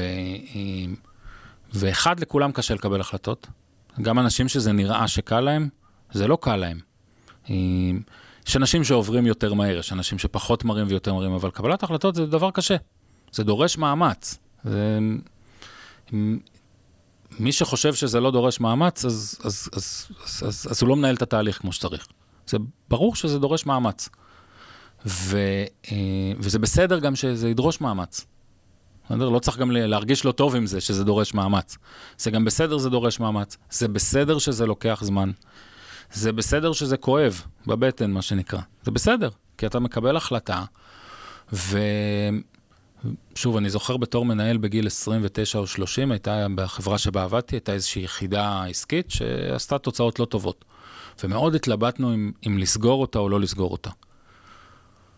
וברציונל היה ברור שצריך לסגור אותה, כי התוצאות, אה, עסקים לפעמים זה קל, כי המספרים מדברים בעד עצמם, ומצד שני זה אומר לשלוח עובדים הביתה ולפטר אנשים ולפטר. זה לא הייתה החלטה קלה, וזה כאב לי בבטן כשקיבלתי אותה, וגם כמה שבועות אחר כך. אמ, אני חושב שצריך להכיל את זה גם כבני אדם, להגיד זה בסדר שזה קשה לנו לקבל החלטה. אני חושב שמה שאנחנו יכולים לעשות זה להבין למה קשה לקבל את ההחלטה. מה, מה עוצר אותך? פחד. פחד ממה? פחד ממשהו. אז... אהבתי מה שאמרת עכשיו, למה? למה כל כך כואב לך בבטן כשאתה מקבל את ההחלטה? כי אנשים הם שונים, ויש פחד אנשים... פחד מהחיים, לא יודע מה להגיד לך. לא, אז שוב, אם היינו חופרים עכשיו, אז היינו מגלים. אה, אבל אז הייתי צריך להוציא חשבונית. כן, אה, יש לי. בסדר גמור. אה, אבל בסוף אנחנו לפעמים מגלים, נגיד אם אנחנו מסתכלים בחברה על קבלת החלטות, אז אנחנו מגלים שיש מנהלים שהבעיה שלהם זה לא לקבל את ההחלטה, הם יודעים מה ההחלטה, הבעיה שלהם זה לתקשר אותה. זאת אומרת, הם יודעים בבטן ובלב, או אפילו במוח, גם מה ההחלטה הנכונה, אבל הם כל כך מפחדים מהסביבה, מהביקורת של הסביבה על ההחלטה, שזה מה שקשה להם בכלל. זאת אומרת, אין להם בעיה בלקבל את ההחלטה, יש להם בעיה באיך הסביבה תתפוס את ההחלטה. וזה בסדר, זה גם אומר משהו, וצריך לעזור לזה, וצריך לסדר את זה, וצריך לשפר את זה, ואפשר לעבוד על זה. יש אנשים שבאמת הפחד הכי, זה פשוט פחד מה לטעות. וגם על זה אפשר לעבוד. כי, שוב, זה הרבה עבודה פסיכולוגית, אבל זה בסדר לטעות.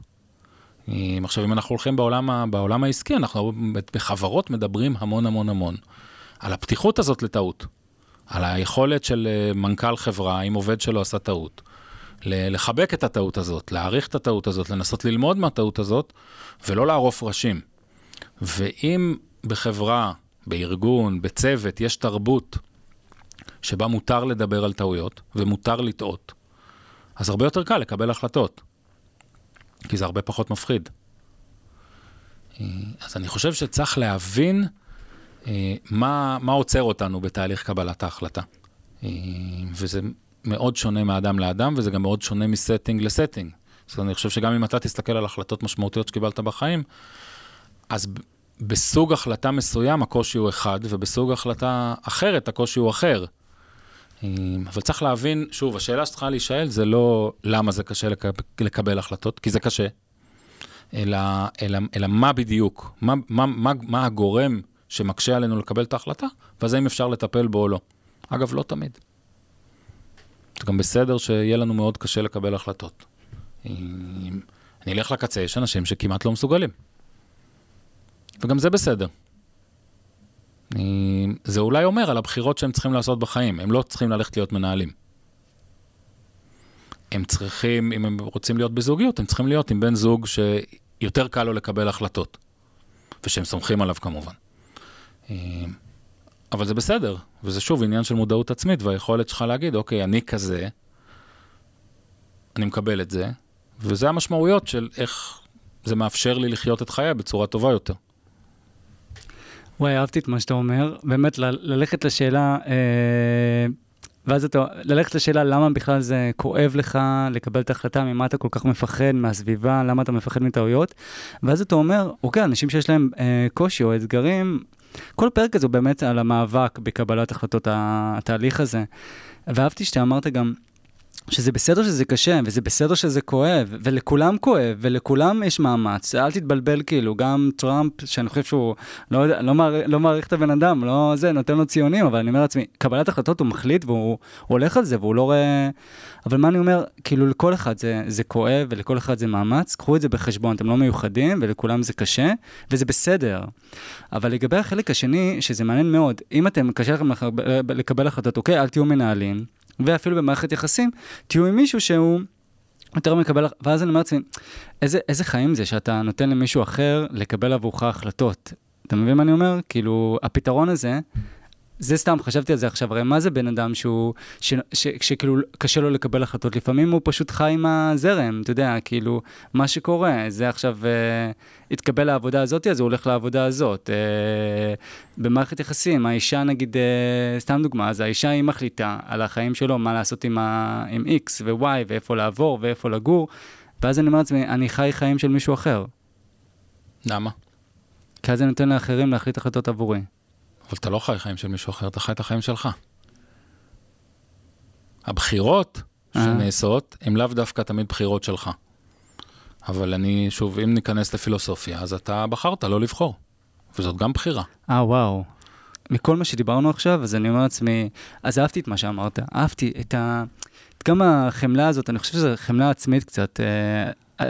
הפודקאסט הזה, הפרק הזה, הוא באמת לאנשים, אני חושב שמי שמאזין זה מישהו שיש לו קושי עם קבלת החלטות, או מישהי שיש לה קושי עם קבלת החלטות, ואתה אומר, קודם כל תהיו עם זה, זה בסדר, זה בסדר שזה מאמץ, ולכולם יש מאמץ, ואל תלקו את עצמכם והכול.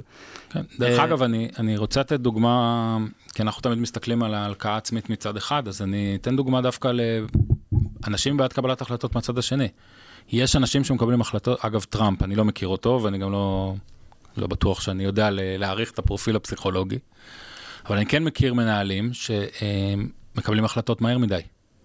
הם מקבלים המון החלטות, ולפעמים אנחנו קוראים לזה אימפולסיבי, אגב טראמפ, או משהו כזה, אבל לדוגמה, יש הרבה מאוד אנשים שאנחנו מגלים שאחת הבעיות שלהם זה קושי אדיר לחיות עם אי-ודאות.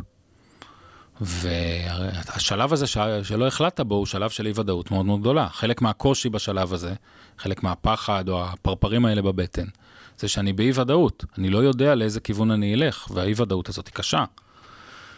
ויש אנשים שהדרך שלהם לפתור את חוסר היכולת שלהם להכיל את האי ודאות הזאת היא לקבל החלטות מאוד מאוד מהר. אבל זה לא עושה אותם מקבלי החלטות טובים יותר, או נכונים יותר, מה זה טובים יותר, אפשר להתווכח על מה זה מקבל החלטות טוב. אבל זה לא אומר שהאחוזים שלהם יותר טובים, לפעמים מקבלים החלטות רק בשביל לקבל את ההחלטה. כדי לפתור את האי ודאות הזאת, כדי לא להישאר עם האי ודאות הזאת. אבל לאי ודאות הזאת יש משהו טוב. אם ניקח, תיארת לי מקודם אה, סיטואציות של התלבטות. הכמה ימים האלה של ההתלבטות, של האי ודאות הזאת, אני חושב שבדיעבד, אם חושבים עליהם, יש בהם גם משהו טוב. הם מכריחים אותך להסתכל פנימה אל עצמך, הם מכריחים אותך לעשות כל מיני תהליכים עם עצמך. והיכולת שלנו להכיל או לחיות עם אי ודאות היא דבר נורא נורא חשוב, כי סיפור חיינו. אנחנו חיים עם המון המון אי ודאות בהמון המון דברים. אה, והצורך הזה לפתור את האי ודאות, אז, אז כשאנחנו אומרים קושי בקבלת החלטות, יש לפעמים אנשים שנראה שהם מקבלי החלטות אופטימליים, זה גם קושי. בסדר? אם מישהו מקבל החלטה בלי לחשוב כמעט, מהר מאוד, שולף מהמותן, אנחנו קוראים לזה, חייב, יש מנהלים כאלה שנכנסים לישיבה, מתחילים לדבר על משהו, טוב, אחרי חמש דקות סוגרים את הדיון, יאללה, מקבלים החלטה. אף אחד לא אמר שצריך לקבל את ההחלטה הזאת עכשיו. לפעמים כן, אבל בהרבה מאוד מקרים לא. אולי נכון לשמוע עוד דעות, אולי נכון לחשוב עוד קצת. החוסר יכולת להכיל את האי-ודאות הזאת של לשמוע עוד דעות, של לחשוב על זה עוד קצת, גם היא בעיה לפעמים. וואי, זה מעניין. מה זה אובר אה, חשיבה, אה, אובר תהליך של קבלת החלטות? כאילו, זה שלוקח לי המון המון זמן לקבל החלטה. מתי זה יותר מדי?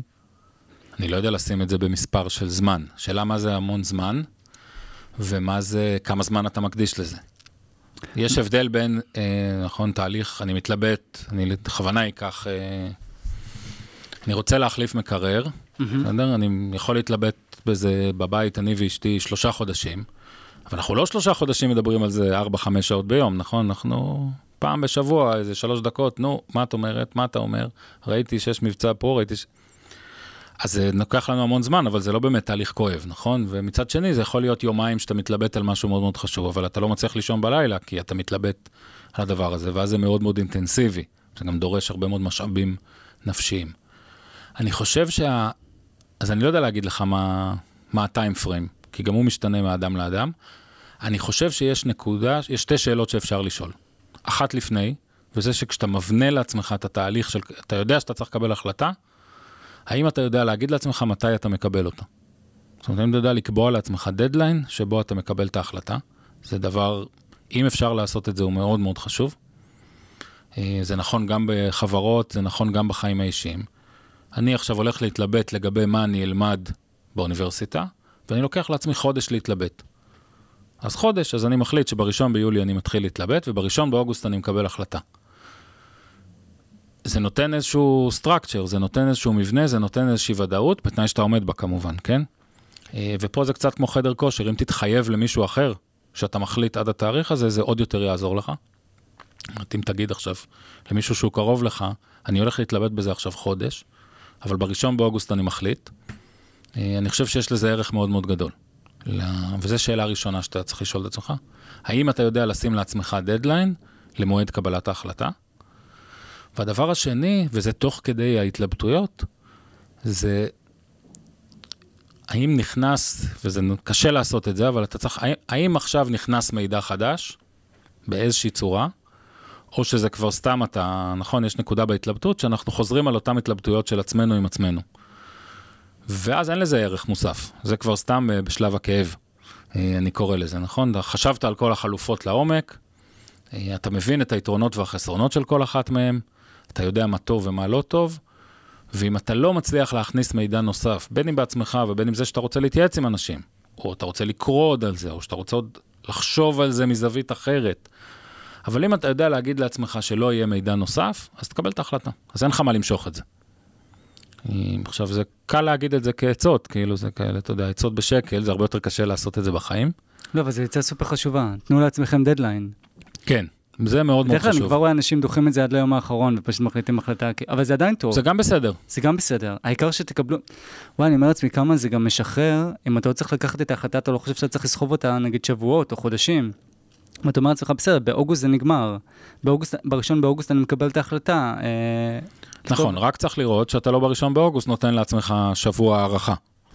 כן. וזה כבר באמת, אה, פה החשיבות של אה, עוד בן אדם, לדוגמה, שהתחייבת מולו, אה, עם, שוב, זה נורא דומה בסוף, ל- אתה יודע, מה זה אנחנו- להתחייב? להגיד לו, תקשיב, תקשיבי, אני רוצה לקבל החלטה עד הראשון באוגוסט, מה מה התפקיד שלך? מה התפקיד שלך? אני, אני, תתקשרי אליי בראשון באוגוסט ותשאלי אוקיי. אותי מה החלטת. זה בסוף כמו שאנחנו יודעים, נכון, החלטת לעשות דיאטה, מהמם. ואמרת, אני אוריד, אה, אני לא אוכל יותר מתוקים. אה, אבל אם התחייבת בפני מישהו אחר שאתה עושה דיאטה, יש הרבה יותר סיכוי שאתה תעמוד בה. אנחנו יודעים את זה, מחקרית. אה, אם קבעת עם חבר ללכת לחדר כושר, יש הרבה יותר סיכוי שאתה תלך, מאשר שתוותר לעצמך ותישאר בבית. זה נכון גם בקבלת החלטות, זה בדיוק אותו דבר. אני מחייך פה תוך כדי שאתה מדבר, כי אני ברור שהם מכירים את המחקרים, ברור שאם אתם מתחייבים לאנשים אחרים, ויש בכלל אנשים שמפרסמים בפייסבוק, אני עכשיו מתחיל אה, לעשות ריצה לקראת מרתון, דה דה דה דה דה, אבל אני, אני אומר לעצמי, לי, באופן בחיים האישיים שלי, אין אנשים ש, שקל לי, כל פעם שנגיד אתה מתחייב למול בן אדם מסוים בחיים שלי, אז, אז אני, לא, אני לא רואה את, ה, את הקושי, את, ה, את המורה הרע, או את המורה הזה, ש, או את המישהו הזה שיכול להגיד למה לא הספקת, או למה לא עשית, בדרך כלל זה הרבה יותר... רך, אם הבנת את הכוונה שלי. פה שאלה הבאה שלי זה, מה דעתך לגבי עונשים וצ'ופרים? נגיד למשל, קיבלתי החלטה, האם, אפילו גם בחיים האישיים וגם בעולם העסקי, קיבלתי החלטה ואני לא עומד בה. האם, האם אה, עונש יכול להיות דבר טוב, או צ'ופר יכול להיות אם אני כן עומד? מה דעתך? אז קודם כל זה מאוד תלוי על מה. אם זו החלטה כבדה, ושוב אני אומר, אתה גם לא תדע להגיד עם מה זה עמדת בה. מה החלטת? תן לי דוגמה. בוא סתם ניקח דוגמה, דוגמה. החלטתי שמעכשיו אני קם כל בוקר ועושה ריצת בוקר, אוקיי, ועכשיו לא קמת. ולא קמתי באותו יום. מה דעתך על צ'ופרים או עונשים? אז תראה, זה עובד, אה, אבל זה עובד לטווח קצר. אנחנו מכירים את זה, נכון? כי זה כבר, אנחנו הולכים פה לשאלות של מוטיבציה, נכון? ולמה קיבלת את ההחלטה. מהמם. כי בסוף, בסוף, בסוף אנחנו מדברים על, יש, נכון, מוטיבציה אקסטרינזית או מוטיבציה חיצונית ומוטיבציה אינטרינזית, אה, מוטיבציה פנימית. אנחנו רוצים להפוך, אתה רוצה להפוך את ההחלטות שלך למשהו שהוא בא ממוטיבציה אינטרינזית, פנימית, שאתה לא צריך לקבל תגמול עליה, שאתה לא צריך להעניש את עצמך עליה, שלא זה מה שמניע אותך. אוקיי, אתה רוצה לקום בשבע וללכת לרוץ, כי אתה נהנה מלרוץ. עכשיו, לפעמים זה לוקח זמן, זה לא קורה ביום אחד.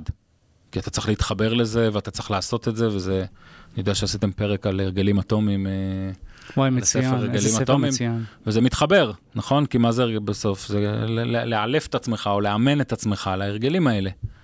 אה, וזה נכון גם, אז לפעמים המוטיבציה קצרת הטווח, זה יכול לעזור. אבל רגע בתהליך שלך עם עצמך, אתה צריך לטווח ארוך להגיע למצב שזה הופך להיות חלק ממך, שאתה נהנה מזה בלי המוטיבציה. אה, כי, כי, זה, כי אפילו במקומות עבודה אנחנו יודעים להגיד שנכון שהאנשים באים בשביל המשכורת, אבל המשכורת לבד לא מספיקה. ואם עכשיו אתה לא טוב לך במקום העבודה ואני אציע לך עוד 500 או 1,000 שקל למשכורת, זה לא יגרום לך להישאר. אתה מחפש משהו מעבר. משהו מעבר הזה מתחבר למוטיבציה הפנימית שלנו, למה באמת מניע אותנו. מהמם. תתחברו למוטיבציה הפנימית בכם, ואז יהיה לכם יותר קל אה, למשוך או להעריך את ההחלטות שקיבלתם. בואו, אתה יודע מה, בואו נפר... בוא נפרק את זה כבר עכשיו, נפשט את זה למי שמאזין, כי אני חושב שמי שמאזין גם רוצה לקבל כלים, כלים לקבל החלטה טובה יותר. הזכרת את הרגלים אטומיים, אחד הדברים החשובים זה לא לקבל החלטות אה, בצהריים, בין 1 ל-3. כאילו שעכשיו אנחנו עושים את הפודקאסט הזה, לא יודע אם זה טוב.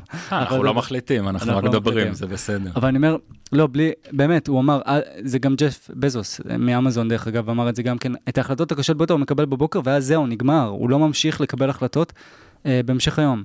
נכון. אז קודם כל, תראה, אני חושב שהלקח היותר גדול מזה, זה, ואם אני חוזר לעשיית החלטה, זה, זה תהליך שהוא צריך להיות מתוכנן. אם אתה רוצה לקבל החלטות, אתה צריך לתכנן את תהליך קבלת ההחלטות שלך. מתי אתה רוצה לקבל אותו, אוקיי? באיזה state of mind אתה אמור להיות, אוקיי? מה זה אומר? לדוגמה, אה, אם שוב אני חוזר לעולם העבודה, האם נכון לקבל החלטות ביום חמישי, שזה כבר לקראת הסוף שבוע, כולם ב mindset של אה, עזוב אותי באימא שלך, לא רוצים משימות חדשות, לא רוצים, זה אולי יצירתיות יותר נמוכה, כי כבר רואים את הסוף שבוע. אה, ואם אתה רוצה אה, לעשות דיון של סיור מוחות לאיזה משהו חדש, אז אולי שווה לעשות אותו ביום ראשון בבוקר.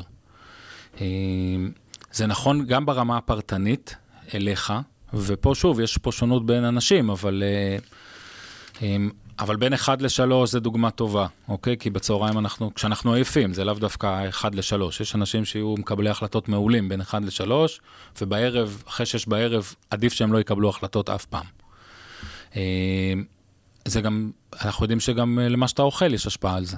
אומרים, אם אכלת ארוחה מאוד מאוד כבדה, מלאת סוכרים, גם זה, מש, גם זה משפיע עלינו. Mm-hmm.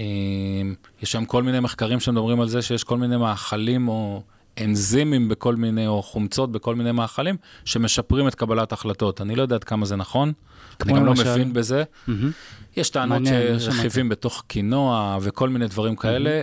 אני לא, לא מומחה בתחום, אז אני בטח לא יודע להגיד לך אם זה נכון או לא. אני לא אוהב קינוע, אז בעיניי זה לא עוזר, אבל... אה, אבל בגדול זה צריך להיות תהליך מתוכנן.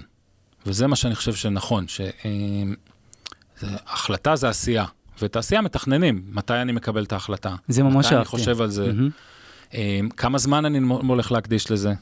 בסדר? שוב, אם אני הולך למקומות עבודה, הרבה פעמים אנחנו, כשמגיעים למהנהלות שמתקשות לקבל החלטה, אחד הדברים הראשונים שמאוד מאוד עוזרים, זה שאנחנו מכריח, אני מכריח אותם שבישיבות הנהלה, הישיבה מתחילה בזה שהמנכ"ל או מי שלא מנהל את הישיבה אומר מה הנושאים שהולכים עליהם לדבר עליהם היום, ועל מה הולכים לקבל החלטה. ואומר, היום נדבר על 1, 2, 3, בנושא 3, בסוף הדיון אנחנו נחליט האם עושים את הפרויקט הזה או לא עושים את הפרויקט הזה.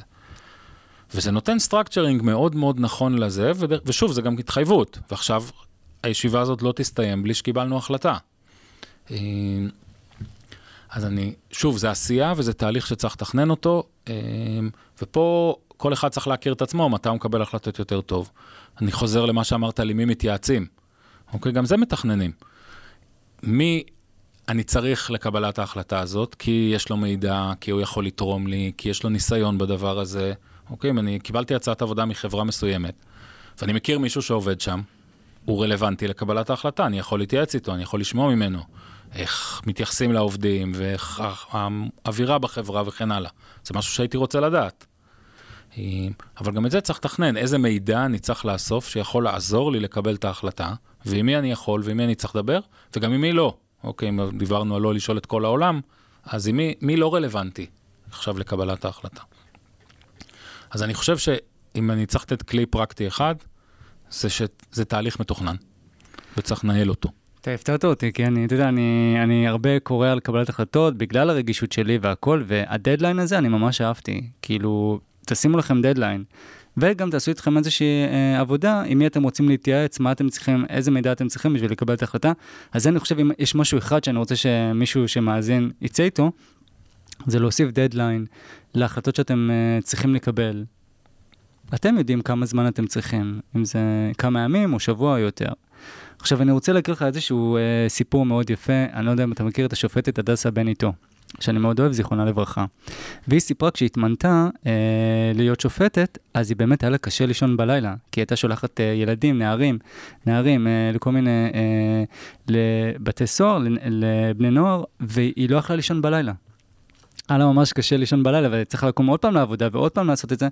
והיא סיפרה שהיא נתק... נתקלה בביוגרפיה של הנשיא טרומן האמריקאי, ובאיזשהו אה, חלק שאלו אותו, באמת הוא זה שהורה כמובן על אה, הפצצת ירושימה ונגסקי, ושאלו אותו, איך, איך קיבלת את ההחלטה הזאת? כאילו, אה, אה, ישנת? כאילו, מה, מה קרה אחרי קבלת ההחלטה? ישנת בכלל אחרי קבלת ההחלטה? והכל אומר, ישנתי כמו תינוק. אחרי שהחלטתי, כאילו, אני עושה בסוגריים, אחרי שהוא החליט להפציץ, הוא אמר שהוא ישן כמו תינוק. לפני קבלת ההחלטה, הוא באמת לא ישן, כמה ימים הוא לא ישן. אבל אחרי שהוא קיבל החלטה, זהו, נגמר, אין ספקות, ממשיכים הלאה. ואז היא אומרת שהיא אימצה את זה, והיא הייתה מקבלת החלטות ופשוט ממשיכה הלאה, זהו, נגמר, לא מתחילים להטיל ספק, הייתי יכול לעשות א' או ב' או ג'. אני חושב שזה סיפור מאוד יפה, רציתי לשתף אותו בפרק הזה. אתה, אתה מכיר את הסיפור הזה של טרומן? לא הכרתי, אבל אני, אני מאוד מאוד מסכים. אני מאוד מאוד מסכים. אני חושב שמנהיגים, יש להם בדרך כלל יכולת מאוד טובה לעשות את זה. אה, לקבל החלטה ולעבור הלאה. אה, צריך להגיד, חלק ממה שעוזר להם בזה, זה שהם גם מקבלים המון המון החלטות. זה עוזר? אני חושב שכן, אני חושב שבשני מקומות זה עוזר. אחד, אה, דיברנו על אינטואיציה של מומחים, אז הם מומחים לקבלת החלטות. אם אתה צריך לקבל באופן יומיומי עשרות החלטות משמעותיות וחשובות, ושלחת חיילים, אם ניקח את המקרה של טרומן, ושלחת חיילים לקרב, וגם טעית, אוקיי? טרומן עשה טעויות במלחמה הזאת. אה, חלקם עלו בעשרות, מאות ואלפי הרוגים, ל- גם לארצות הברית. אז אם טעית, אז, אז הוא פיתח איזושהי מומחיות בעולם הזה של קבלת החלטות, וזה מאוד מאוד עוזר. אה, זה דבר ראשון. אז זאת אומרת שגם אנחנו יכולים לפתח את המומחיות לגבי קבלת החלטות, פשוט להחליט מלא מלא מלא. ככל שתחליט יותר, אתה תהיה יותר טוב בזה. אין ספק. אה, זה לא אומר, כמו שאמרנו, יש אנשים שזה לא מתאים להם. אתה יודע, אה, מי שזה לא מתאים לו, לא יכול להיות שופט. אסור שהוא יהיה שופט. גם בשבילו וגם בשביל החברה. מהמם, אוקיי? כי זה לא התפקיד המתאים לו. מהמם. יכול להיות עורך דין מצוין ולטעון ולשכנע לצד אחד, אבל לא בטוח שהוא יכול להחליט, אתה יודע, עם משפטי שלמה כאלה ואחרים. ואז אחד צריך אופי מתאים, שתיים, אה, אני אבל מאוד מאוד מסכים ששוב, בטח בעולמות שהם מאוד מאוד מובנים, אם ניקח שההחלטה היא מובנית והתהליך הוא מובנה, once קיבלת את ההחלטה, אין מה לחזור אליה. תשחרר. כן, אתה כמה שיותר משחרר, מהר. אתה לא חוזר? בדרך כלל לא. בדרך כלל לא. משתדל שלא. וואי, זה, זה, זה קשה. נכון. זה קשה לא כל הזמן. למה אנחנו עושים את זה לעצמנו? למה אנחנו כל פעם חוזרים אחורה ושואלים למה ואיך וכמה?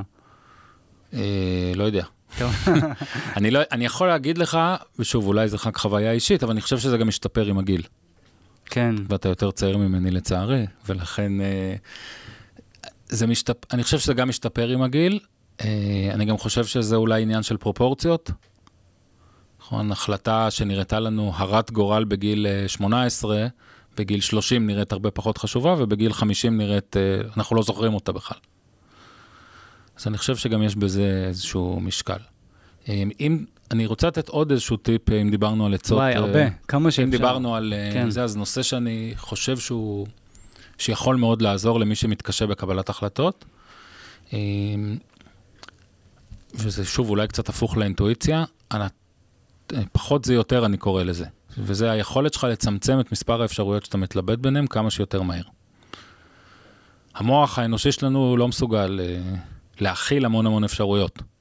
יש בו משהו מאוד מאוד מצמצם. תמיד יש את הדוגמה, הדוגמה המצוינת זה תמיד בגלידריות. כשאתה נכנס ל... נכון, פעם היינו, כשהייתי ילד היינו נכנסים לגלידריה, היה שוקו, וניל ותות, ואז שואלים אותך מה אתה רוצה, ו... או שאתה רוצה שוקו, או שאתה רוצה וניל, או שאתה רוצה תות, או בסך הכל אין הרבה צירופים של אפשרויות, ואם אתה נכנס היום לגלידריה, זה נורא מבלבל, זה mind blowing כאילו. איך תבחר מה אתה רוצה? אמ, שוב, יש לי ילדים קטנים, אז אם אתה נכנס עם ילדים לדבר כזה, זה, אתה רואה שהם לא מסוגלים להכיל דבר כזה. אמ, אבל זה גם נכון למבוגרים. אמ, וככל שנצליח לצמצם יותר מהר את מספר האפשרויות, שוב, בא- באקדמיה אנחנו קוראים לזה consideration set. בסוף יש את כל האפשרויות בעולם, מהמם. להחלטה שקיבלנו, שוב, נניח, אנחנו מתלבטים איזה מקרר לקנות, ניקח החלטה לא נורא מסובכת. יש אלפי דגמים של מקררים, נכון? אז אנחנו, אבל אנחנו לא יכולים להתלבט על אלפי דגמים של מקררים, אני לא יודע להכיל, מהמם. אנחנו צריכים לצמצם את זה. כל המחקרים בעולם מראים שהיכולת שלנו היא להכיל היא עד שבעה, עד שבע חלופות, כשבדרך כלל אנחנו לא שוקלים ברצינות יותר משלוש-ארבע. מה כן? הרבה פעמים אנחנו, לוקח לנו המון המון זמן על לצמצם את זה מ-200 אפשרויות ל-3-4 אפשרויות, לוקח לנו המון המון זמן. אז אם יש לי עצה זה שתעשו את זה כמה שיותר מהר. אה, ו- ו- ולא, ו- ועל זה לא להסתכל אחורה. אוקיי, אם דיברנו על לא להסתכל אחורה, אז צמצמו מאוד מאוד מהר את מספר החלופות, גם בהחלטות אישיות משמעותיות, מה אני הולך ללמוד. נכון, יש, נפתח את רשימת המקצועות היום שמציעים באוניברסיטה לתואר ראשון, יש כנראה מאות מקצועות כאלה. אבל מהר מאוד אפשר לצמצם את זה לשלושה ארבעה דברים מרכזיים שאתה מתלבט לגביהם, וצריך לעשות את זה כמה שיותר מהר, ואז להקדיש את מירב ההתלבטות לשלוש ארבע אפשרויות האלה. כי מה שמייצר הרבה פעמים המון המון בלבול זה השלב הזה שבו יש לך המון המון אפשרויות בראש, 20, 30, 40 אפשרויות, ואתה אפילו לא יודע איך לגשת אליהם. כי זה, שוב, אנחנו לא מסוגלים כבני אדם להתמודד עם כזאת כמות של אפשרויות. פשוט אין לנו את היכולת הזאת, המנטלית הזאת, וצריך להכיר בזה. אה, דרך אגב, זה גם טוב, זה שאין לנו את היכולת הזאת זה דבר טוב. זה כנראה גרם לשרידותו של המין, נדבר במונחים אבולוציוניים, לשרידותו של המין האנושי, כי מהר מאוד הצלחנו לצמצם לעצמנו את האפשרויות. כשראינו עדר ממוטות אה, שועט לעברנו, מהר מאוד צמצמנו את האפשרויות ל... או שננסה לצוד אותם, או שנברח, או שנעמוד במקום. מי שהחליט לעמוד במקום טעה, ואיננו עמנו עוד, מה שנקרא. אבל מי שהחליט לברוח או, ל... או להילחם בהם, אז, אז שרד ולמד, ושוב, למדנו אבולוציונית, לצמצם מהר מאוד את האפשרויות. אה, אני חושב שזה דבר נורא נורא חשוב, הרבה פעמים אנשים נתקעים בתהליך קבלת ההחלטות, שוב, בחברות אני רואה את זה המון. יש לנו 20 אפשרויות. אני נכנס לפעמים לזה, ואומרים, אנחנו מתלבטים אה, מה להשקיע. תוכנית המחקר ופיתוח, אני הרבה פעמים שואל, מגיעים לחברות שצריכות להחליט על תוכנית המחקר ופיתוח לשנה הבאה. זה נורא נורא קשה, כי יש תקציב מסוים וצריך להקצות אותו לשלושה ארבעה פרויקטים, אבל יש מלא רעיונות, והם טובים כולם. אה, אבל צריך לצמצם את זה מהר מאוד, ואי אפשר להיות המון זמן עם תהליך שבו אתה מתלבט על 20 אפשרויות, פשוט אי אפשר. כבני אדם, וצריך לצמצם את זה כמה שיותר מהר. ואיך אתה מצמצם את זה מהר? כי גם בתהליך של הצמצום אתה פוגע בעצם בסיכויים שלך אולי לבחור באופציה שהיא טובה יותר, במחאות. נכון, אתה בוודאות עושה את זה. כן. אז אני, זה, קוראים לזה רק לקבל את ה... אני באמת אומר, אתה צריך לקבל את זה. לקבל את זה, זה כמו... אתה לא תדע לעולם לא שפספסת תדע. את האפשרות היותר טובה, ו... שוב, נגיד בהורות, היה איזה טרנד מאוד מאוד גדול שדיבר בהורות על זה, שאומר, אתה לא צריך להיות אה, דיברו, זה התחיל מאימהות, אבל זה נכון כמובן לכל הורה, שאתה לא צריך להיות the best parent, אתה לא צריך להיות the best mother, אתה צריך להיות good enough mother, אוקיי? כדי שילד יגדל ויקבל את כל מה שהוא צריך, צריך להיות מספיק טובים. אני חושב שזו אנלוגיה טובה להמון המון בחירות ש, שיש לנו בחיים. במילא אנחנו לא יודעים אם זה הכי טוב או, או לא הכי טוב. אנחנו גם לעולם לא נדע. ולכן השאלה צריכה להיות האם זה good enough. ואם יש לנו עכשיו 20 חלופות לפרויקטים במחקר פיתוח בחברה, ועכשיו עושים הצבעה קצרה בקרב הצוות, מה עם השלוש-ארבע אפשרויות שנראות להם שהן good enough, אז זה שלוש-ארבע אפשרויות. וואו, את זה לצמצם בכלל, גם אה, כמה שיותר מהר. בעולם העסקי וגם בעולם האישי. כמה שיותר מהר. כמה שיותר מהר, קח את השלוש, אפילו שתיים, האפשרויות, החלופות הטובות. יש מקומות שזה שתיים, כי גם לפעמים זה כן או לא, נכון? Mm-hmm. זו החלטה בינארית כזאת של, אה, נכון, אני עובר לגור, ב, אני מתחיל ללמוד בניו יורק, או שאני נשאר בישראל. Mm-hmm. אז זה שתי אפשרויות, זה קל. לא יודע אם זה יותר קל, אבל זה מהר מאוד מצטמצם. לפעמים יש לנו החלטות שהמרחב הוא המון, הרבה יותר גדול, ואתה רואה שאנשים מתבלבלים. שוב, יש לי חבר שמחליף אוטו, הוא כבר מחליף אוטו שנה, כי יש לו 50 דגמים שהוא מאוד מאוד היה רוצה. והרבה פעמים אני אומר לו, זה... תצמצם, לא משנה איך. לפי חברה, לפי... לפ... תטיל מטבע. זה עדיף מאשר להתלבט בין 50 אפשרויות. תטיל מטבע. תטיל מטבע. זה עדיף. חד משמעית. אני... בטח נגיד ברכב, בסדר? כן. כי אז אני אקנה, לא רוצה להגיד אם ונעשה פרסומות, אבל אני אקנה דגם X ולא את דגם Y. מה כבר ההבדל? תראה, אני לא, אבל מי שעכשיו מאזין והוא ממש בקטע של מכוניות, יכול להיות שיגיד לך, בחירה הרת גורל. כמה, כמה באמת היא הרת כן. גורל? היא לא, היא לא. היא לא. אבל נניח כן... שאחרי חודש גילית שזה היה בחירה נוראית, מה אתה עושה? אתה מוכר את האוטו ואתה קונה אותו חדש. נכון. הפסדת כסף. זה כמו בתל אביב, אתה הזכרת לי עכשיו, אתה יודע, אני פחדתי מאוד, אתה יודע, לבחור דירה בתל אביב, אתה מתלבט איזה דירה וזה, זה לא הדירה שהולכת להיות לך כל החיים, כי אתה סוחר, אבל אתה מתלבט, ואז אחי אמר לי, מה, מה, במקרה הכי גרוע פשוט זה לא יעבוד, פשוט uh, מישהו אחר ייקח את זה, כי תל אביב היא כל כך, אבל זה עובד בתל אביב, ולצערי נראה לי עכשיו זה בכל הארץ, שיש כזה ביקוש להכל, ותוך כדי, אפילו אם אתה מזכיר וזה לא סוחר וזה לא עובד, מישהו בקלות ייקח את זה לפני, אני רוצה לספר לך לגבי הגלידה ש... שסיפרת, 20 אפשרויות, וואו, זה למה אני ממש, אה, נראה לי, פתאום תוך כדי שאמרת, אני, אני, אני, בגלל זה אני לא אוהב כל כך אה, לשבת במסעדות ולבחור, כי יש כל כך, אתה יודע, מסעדות עם התפריטים היפים האלה, שאתה עובר דף דף, אה, זה נוראי, כאילו, אני סולד מזה, אז תמיד אימצתי לי שיטה, הנה עוד פרקטיקה, בגלל שאתה אומר, בגלל שאני קצת יותר רגיש לדבר הזה, אז יש לי כמה פרקטיקות שאימצתי. ואני זוכר שלאקסיט שלי היה, היה קושי עם זה גם כן. תמיד כשהיינו הולכים למסעדה, אז ישר הייתי הולך למלצרית או למלצר, והייתי שואל אותם, מה המנה, מה אתה חושב המנה הטובה ביותר, או מה המנה הפופולרית ביותר, כאילו, מה הכי טעים פה. במקום להתחיל עכשיו לחשב ולחשוב מה הדבר הכי מכל ה... זה סתם עשה לי הרגשה לא טובה. זה פרקטיקה מעולה. פרקטיקה מעולה, כן? חושב, כן, אם אתה יודע שקשה לך. ושוב, יש אנשים שהרי בקלות מסתכלים על התפריט ובמהר מאוד עושים צמצום, נכון? אומרים אני רוצה בשר, לא אני רוצה דגים, mm. לא אני רוצה פסטה, ועם פסטה אז אני לא אוהב את 1, 2, 3, ומהר מאוד מצמצמים את זה. אם אתה יודע שקשה לך, אז אה, בעצם מה עשית? נכון, דיברנו על להחליט, נתת למישהו להחליט בשבילך. וואלה. אז זה- וזה זה- לא רע, אני לא חושב שזה רע. זה לא רע. זה לא רע כי? כי מה, מה, למה לא? כי אז כאילו, אולי אתה, לא יודע, אולי אתה נותן למישהו אחר להחליט במקומך. אני אגיד לך, אני מתלבט עם עצמי, כאילו, אני אומר לעצמי, זה עבד לי, זה דרך אגב עבד. ואני גם חושב שאתה אומר את זה כי אתה כאילו אומר, רגע, אז מה זה אומר עליי? נכון, זה אומר עליך שאתה יודע שהדבר הזה קשה לך, נכון. הוא לא כזה משמעותי, כי בסוף בוא נודה על האמת, זה אם לקחת פסטה X או פסטה Y זה לא באמת כזה חשוב, מהמם. והקלת על עצמך. בדיוק, ודיברנו, אולי יש הרבה אנשים שמדברים גם על פטיג, decision פטיג, ואני חושב שגם זה חלק מזה, אנחנו מסעדה. תקבלו בשבילי את ההחלטה, זה לא באמת חשוב לי העניין הזה, אבל יש החלטות שהן חשובות, שאולי בשבילם כדאי לשמור את האנרגיה ואת הזמן שלך. לגמרי.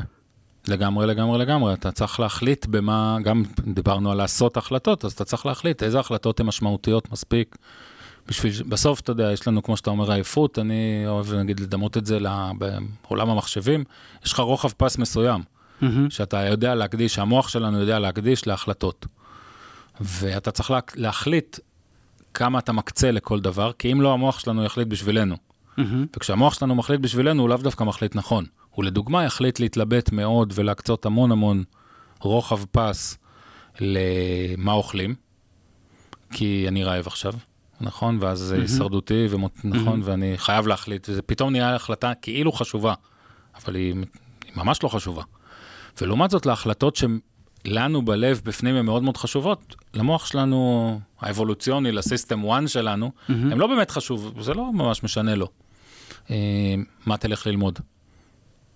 לך זה כנראה החלטה יותר חשובה, למוח שלנו הפרימיטיבי, בחלקים הפרימיטיביים שלו, זה לא באמת משנה לו. הרבה יותר חשוב לו מה תבחר לאכול עכשיו. אז הוא יקצה לזה יותר רוחב פס. עכשיו, אם אתה יודע לנהל את זה ולפנות את ה-capacity הזה, להגיד, תביאו לי מה שהכי...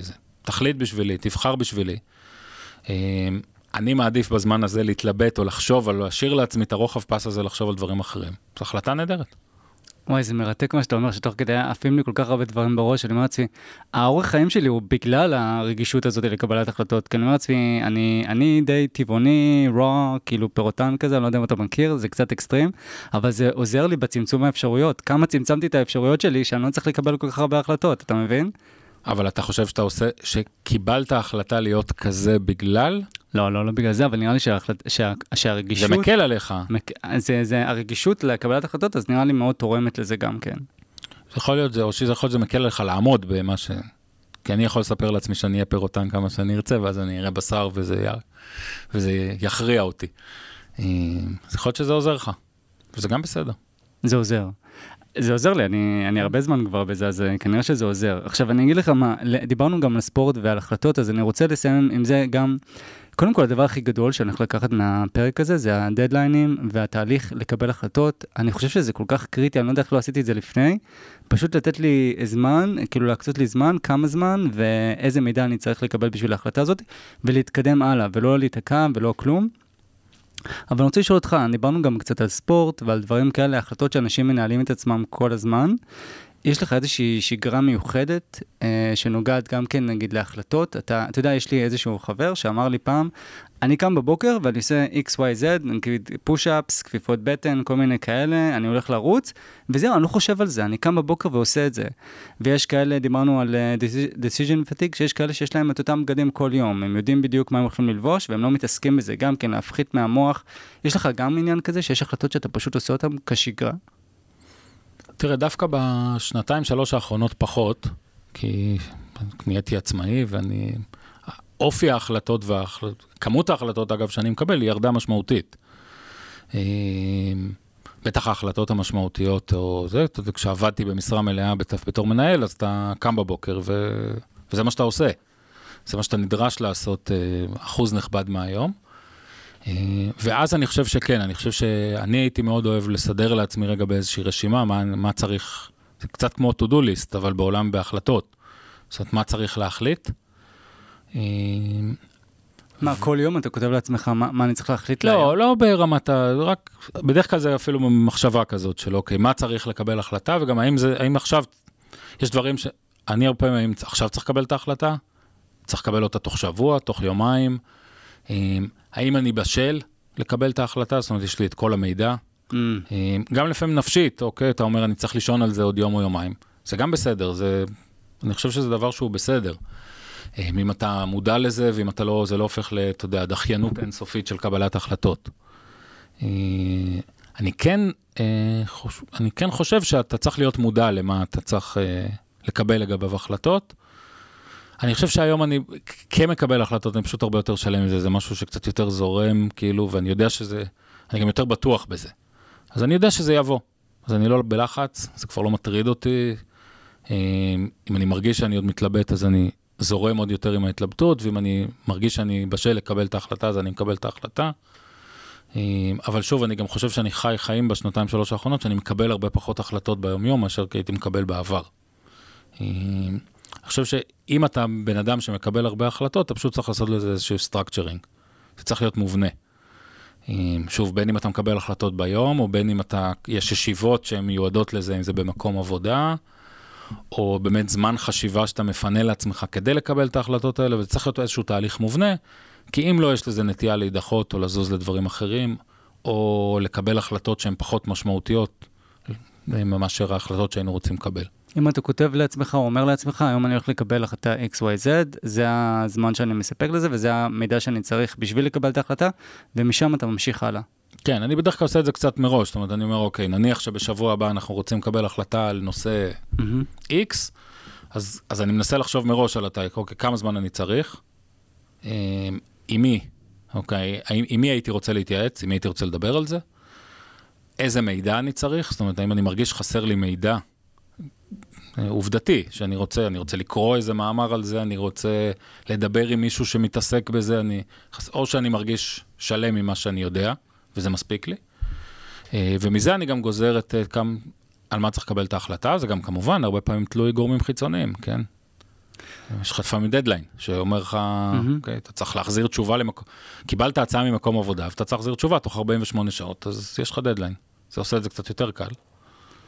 לא, אני ממש אהבתי את זה, כי אני חושבת, איך אפשר, מי שמאזין, אני אומר לעצמי, איך הוא יכול לקחת את זה לחיים שלו, לחיים המקצועיים ולחיים האישיים.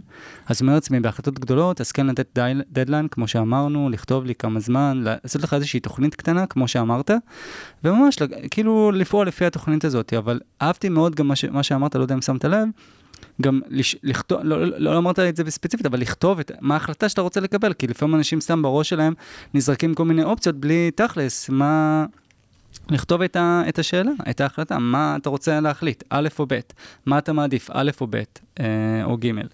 אה, זה לגבי זה, ואז אני מנסה לחשוב על החיים האישיים שיש כל כך הרבה שאלות, אוקיי, איפה נצא, לאן נלך, איפה נסחה, לא יודע מה, איפה נטייל, זה האינטואיציה. לפעמים אתה פשוט צריך לתת מקום אולי גם למערכת הראשונה, כמו שאמרנו, לחשוב מהר, לחשוב לאט, פה אני אומר באמת אולי כדאי, וזה מה שאני הולך לקחת מהפרק הזה.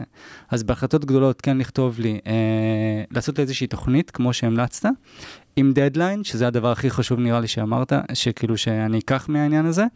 ובצד השני יש המון החלטות מה לאכול, מה כל מיני כאלה, שזה פשוט האינטואיציה, פשוט לזרום מהאינטואיציה ו- ולזכור, ממש להזכיר לעצמכם, שלא להשקיע על זה יותר מדי רוחב פס, לא להשקיע על זה יותר מדי אנרגיה. לגמרי, לגמרי, אני מאוד מאוד מסכים עם זה.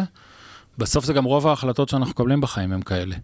אמ, אני בדיוק נזכר, אתה יודע, עכשיו מדברים על התופעה הזאת, נכון, אתה מחפש, רוצה לראות איזה סרט בנטפליקס. נכון? כמה זמן אתה יכול לדפדף בין האפשרויות ולהתלבט על האפשרויות? לפעמים שעה. אנשים, יש לנטפליקס מחקרים על זה, שמראים כמה זמן אנשים עוברים עד שהם בוחרים. עכשיו, מה זה משנה? אתה רוצה לראות איזה סרט, תבחר סרט. הכי גרוע, אחרי עשר דקות, תגיד שהוא לא טוב. אנחנו מבזבזים על זה המון המון המון זמן, ושוב, פחות הזמן הוא הבעיה, אלא המשאב הנפשי הזה של להתלבט ושל... ובאמת צריך להגיד, בדברים הפחות חשובים, לאן יוצאים, באיזה מסעדה נאכל היום בערב. צריך באמת יותר, מה זה חשוב? אל תיתנו לזה את הרוחב פס, אל תיתנו כן. לזה את האנרגיה. כן. עכשיו, אתה יודע, אני אוהב uh, לשאול, קודם כל, ממש תודה רענן, איזה כיף היה לי לדבר איתך. ואני רוצה, יש לי עוד כמה שאלות אליך, לפני שאנחנו מסיימים. קודם כל, uh, בוא תגיד, יש לך איזה שגרת בוקר, לילה, שאתה מאמץ לעצמך? לא, לא, לא כל כך. לא כל כך. לא. אין לך איזה שגרה בבוקר, משהו שאתה אוהב לעשות? אני, מה השאלה שלי? אני, יש לי שלושה ילדים, שלושתם קטנים, אז יש שגרת בוקר, מכינים סנדוויצ'ים, אה, לוקחים, מפזרים הקטן לגן, הגדולים להסעה לבית הספר. זה שגרת הבוקר. אה. מגניב. ואז הכוס קפה של אחרי. הכוס קפה. כן, זהו, זה זה. חיכיתי לכוס קפה. אבל יש לך, מה, מה אתה עושה בשביל הגוף ובשביל הנפש לעצמך? יש לך איזשהו משהו שאתה עושה? משהו מיוחד? לא, אני צער עולמי, אני מאוד אוהב כדורגל, אז אני רואה כדורגל.